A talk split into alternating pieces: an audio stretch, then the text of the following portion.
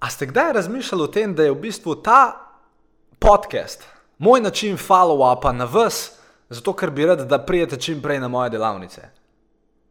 No, mogoče niste o tem razmišljali, ampak mogoče je pa to res, kaj pa vem. Bom vam razložil tekom epizode. Če povzamem, vsak izmed nas, oziroma vsak izmed nas podjetnikov, če ste prodajalec, marketer, kdorkoli že, pravzaprav je odvisen, oziroma uspeh v samem podjetništvu je odvisen od vaše sposobnosti tega, kako dobro delate follow-up. Torej, za vse nevedneže, follow-up je proces od tega, ko vzpostavite prvi kontakt s stranko, do tega, da, stranko, da vam ta stranka dejansko da denar, ker ne boste verjeli. Ko nekdo prvič vidi moj oglas, za čuda 99% ljudi ne kup, ha, si moraš misliti. Uh, in včasih traja nekaj časa, da to osebo konvertirate iz tako imenovanega lida do kupca. Uh, to je trobek epizoda in ta posnetek, ki vam ga bom zarolal, uh, je, oziroma je vezan na uh, torej prodajo ena na ena, oziroma direktno prodajo.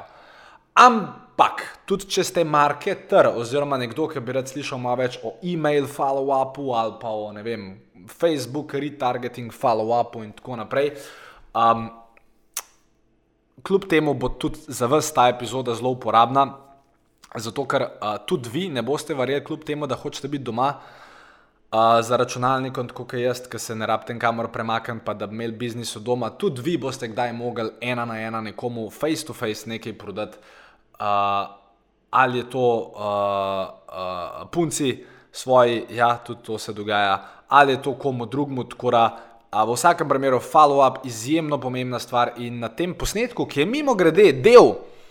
Uh, oziroma, ki je izuzet iz moje delavnice o zaključevanju prodaje, na katero ste mimo grede vsi topljo vabljeni, če greste na filipesek.com/slash dogodki, uh, bi tam mogli pisati, uh, kdaj je ponovno ta izvedba delavnice, ki je do sedaj sprejela že, sprejela že devet čudovitih generacij, uh, oziroma zdaj ne vem, kdaj to poslušate, mogoče imamo zdaj že 20 generacij, ki je šlo čez to delavnico. Ampak skratka, ne glede na to, kaj prodajate, vem, da bi vam ta delavnica bila všeč, tako da če ste v avtu, ostanite v avtu, ni treba takoj zdaj glih iti na.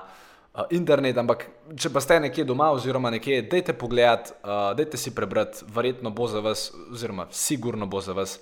Uh, tako da ja. Zdaj se pa dajmo pogovoriti o follow-upu, oziroma kot rečeno, rad bi vam pokazal, kaj sem tej skupini 20 ljudi takrat povedal o pravzaprav najbolj pomembnem delu prodajnega procesa, ker še enkrat. Večina ljudi ob prvem kontaktu ne bo kupila od vas, zato se morate naučiti, kako delati follow-up. Če povem samo en primer iz svojega življenja, dolgega življenja. Uh, bila je situacija, ko uh, za tiste, ki ste že slišali za mojo vikend delavnico, ne vem, če jo zdaj še imamo, uh, definitivno najboljša stvar, ki sem jo kadarkoli organiziral. Um, bila je ena gospa, gospodična. Uh, ki je pač naročila to delavnico, ampak pa predračuna ni plačala. In takrat, če nisem imel svoje asistentke in sem jaz to dotično gospo, gospodično poklical, sledil je seveda pogovor, peskove prodajne sposobnosti so tako ali tako neverjetne in gospodična je prišla na delavnico. Delavnica, ne boste verjeli, je bila izjemno všeč. Bila je pravzaprav tako všeč, da uh, sem zaradi te, oziroma zaradi nje, uh, dobil eno full hudo priporočilo, uh, ki mi je potem v letu 2018 uh, prenesel pogodbo. Ne bom zdaj povedal točne številke, ampak prenesel mi je eno interno pogodbo v vrednosti med 5 in 10 tisoč evrov. In te pogodbe ne bi bilo, če jaz takrat na njej ne bi izvedel follow-upa. In kako zdaj ta follow-up narediti, o tem več v prihajajočih, oziroma v teh podjetniških skrivnostih. Prejem pa gremo, vem, da komaj čakate vodno špico, vsaj jaz jo, tako da, DJ, so pripravljena, sva, ok, let's go. Dobrodošli v podkastu podjetniške skrivnosti. Moje ime je Filip Pesek in to je edino mesto v Sloveniji, ki združuje tri najbolj pomembna področja vašega poslovanja: mindset, marketing in prodajo. In tukaj sem zato, da vaše podjetje, produkt, storitev oziroma idejo spravimo na nivo, ki si ga zaslužite.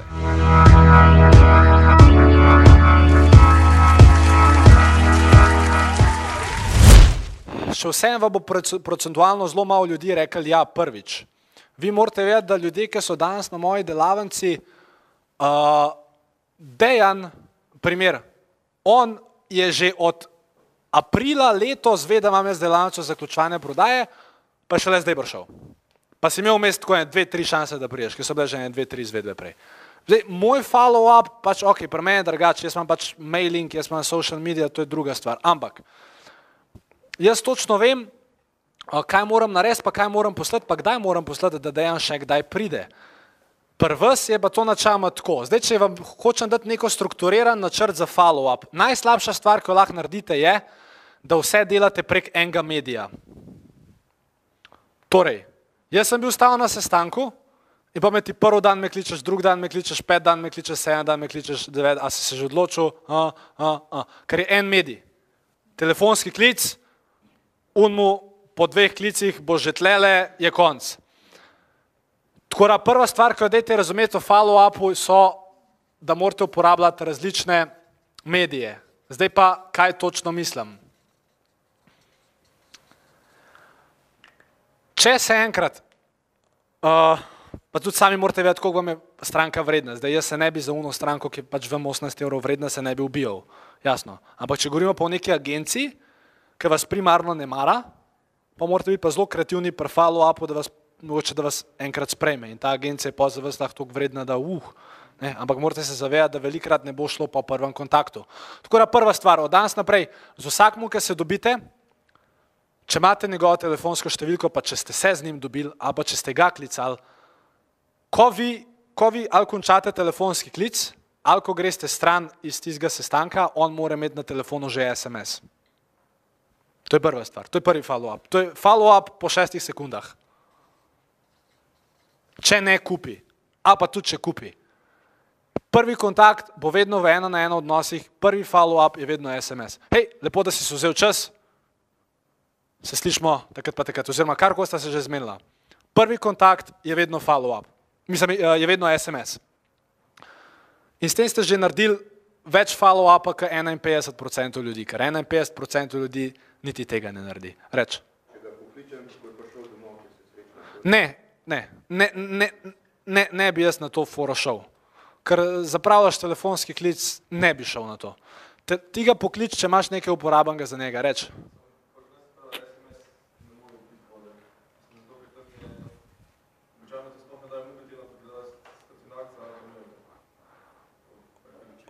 Pro, pro, probe, ja, razumem, te čisto razumem. Probaj dobiti telefon, če imaš, če imaš opcijo, se pravi, če imaš opcijo, ker tudi ne, če se z eskimom pogovarjaš, mu ne moreš SMS-a poslati, ker nima telefona. Veš, pač, tisto, kar lahko narediš, SMS. Potem druga stvar, ki je, uh, tako eno, bana, eno banalno vprašanje. Če jaz lajkam nekomu sliko na Facebooku, a je to follow-up? Ja, zakaj tega ne delate? A si? Lej, social media je druga stvar. Pa tudi, če greste sam na njegov profil, pa mu nekaj lajkate, vse vsem. Še enkrat, on od vas ni kupil, vi morate poskrbeti za to, da je on skos, oziroma da ste vi on top of his mind, ker če note vi on top of his mind, bo šel v konkurenci. Tako da social media ne zdaj seveda biti annoying pa mu polajkati sto stik zaborat, ampak social media je ena stvar. Potem naslednja stvar, naslednji kanal, prek kjer ga lahko komunicirate, je e-mail. Se seveda, čist vaša stvar, še enkrat, odvisno od panoge, odvisno kaj delate, ampak glej, če mu boš poslal SMS, social media, e-mail, pa če imaš nek pol timeline za vse skupaj, uporab. Četrta stvar je seveda telefonski klic, Ampak telefonski klic ne sme biti v smislu, a si se že odločil. Ja, ne pač pokličeš, hej, živijo, živijo Damien Filip tukaj, zdaj smo govorila, uh, poslušaj, uh, razmišljal sem, uh, razmišljal sem o tem, kar sem se pogovarjala, o izgovoru, ki si ga imel in najdel sem, vem, en način oziroma eno idejo, kako bi lahko to rešila. Mislim, skratka, prid z neko uporabno informacijo nazaj do njega. Ne prideti. Če se da, pardon, če se da, ko greste od stranke, super, da sem spomnil, ko greste od stranke, se vedno dogovorite, kdaj bo naslednji klic. Itak, jasno, sorry, ja. Ve, ta je dogovorjen, ja, dogovorjen. Sam se pravim, ko ga ti kličeš na dogovorjen klic, a si se že odločil? O, ja, ne, nisem se, je kaš pa pol? Ne, lej, ni, pro, ni, ni, problem, ni problema, ker se nisi odločil, sem to tudi pričakoval, sem pa vmes razmišljal o izgovoru, ki ga imaš in sem najdel tole študijo, rad bi oddelil, stava imaš dve minuti. Kaj jaz rečem? A, iz, izgo, ja, izgovor, ja, jaz bi, kaj, zakaj? A? A ni več? A ja, ne, mislim, a, ne, sorry, a, A ja, po telefonu, vem, kaj sem zdaj vprašal. Uh, lej, uh, razmišljal sem o problemu, ki smo ga zdaj imeli, o izzivu, ki nam je preprečeval. Uh, ja, ja, razumem, ja, ja, ok, štekam. Telefon, no pa imate pa še peti način, ki je, uh, ki je direktna pošta. Še enkrat, to velja za ljudi, ki vam je stranka res ogromno vredna, kar sta predvsem vidva ki sta v direktni prodaji, oziroma mislim, ki sta v B2B prodaji, kjer so zneski dosti večji, ne bi, bi bilo pa zelo lepo, da bi ti začela kaj tazga uporabljati, uh, oziroma marsikdo izmed vas za tiste stranke, ki res veste, da se splača potruditi, se potrudite. Torej, ko rečem direktna pošta, mislim una pošta. Pismo. Moje vprašanje, kdaj ste na zadnje dobili pismo od nekoga? Pa ne od unga, ki je oglašal, ampak kdaj ste na zadnje dobili na roko napisano pismo? Ja, ok.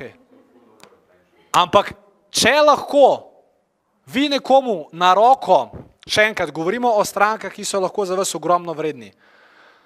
Če se hočete razlikovati od konkurence, posebej pri više cenovnih produktih, če lahko nekomu pošleš pismo, ampak zdaj, v čem je catch? Te stvari se morajo vse zgoditi v roku prvih treh dni. In potem se morajo še naprej dogajati. Ja, Vse v treh dneh, to mora biti takoj, to mora biti takoj, to mora biti naslednji dan, to je tako čez dva dni, ker je dogovoren, to moraš pa tudi tisti dan postati, da bo čez tri dni dobil. Ja, in pol je fora, ne se pravim, zdaj tukaj govorim predvsem o Jerneju, pa Tomažu, ima ta long business cycle, ampak vidva morata vse ukalkulirati, rojstnodnevne čestitke, uh, novoletne čestitke, Ker če se on vas ne bo spomnil, ko bo treba narediti odločitev, bo klical nekoga drugega in bo šel mimo tebe milijon evrov, ki bi lahko šel k tebi, kakšni ko so zneski. Tako da uh, teh pet stvari in potem teh pet stvari čim bolj uporabno izmenjujte. Čistko, če hočete iti korak dlje, uh, oziroma ja, teh pet stvari, uh, potem seveda, če se recimo ukvarjate z, uh, če veš, da je več odločevalcev, Jernej pa uh, Tomaš, morate tudi follow-up delati z unimi ostalimi, oziroma probajte najti način, da unih, ki vplivajo na odločitev. Um, pa, glede direktne pošte, je pa tako. Uh, ne na roke zdaj napisati pisma, ki bo roman, ker noben ne šel brati romana. Samo napišite en odstavek, dva, nekaj smešnega, kar koli. Potem pa, če imate čisto ustali, samo to, da boste vedeli, kako daleč lahko s tem greš. Recimo, ti imaš, kar bi jaz naredil na vajenem mestu pa da veš, da je stranka zelo na tem, da se odloči za vas. Jaz bi poslal Rubikovo kocko in bi zraven napisal tekst. Rešitev za to Rubikovo kocko je 17 tisoč milijonov krat 16 tisoč milijard. Rešitev za, vaš, za vašo novo gradnjo je samo ena. In on se bo nasmejal, lej, ampak še enkrat, Rubikova kocka stane 5 evrov ta klient je lahko za tebe vreden. Tako da, dajte res razmišljati. Mislim, tukaj pri follow-upu morate biti kreativni in morate biti čim bolj razporejeni na čim več različnih medijev.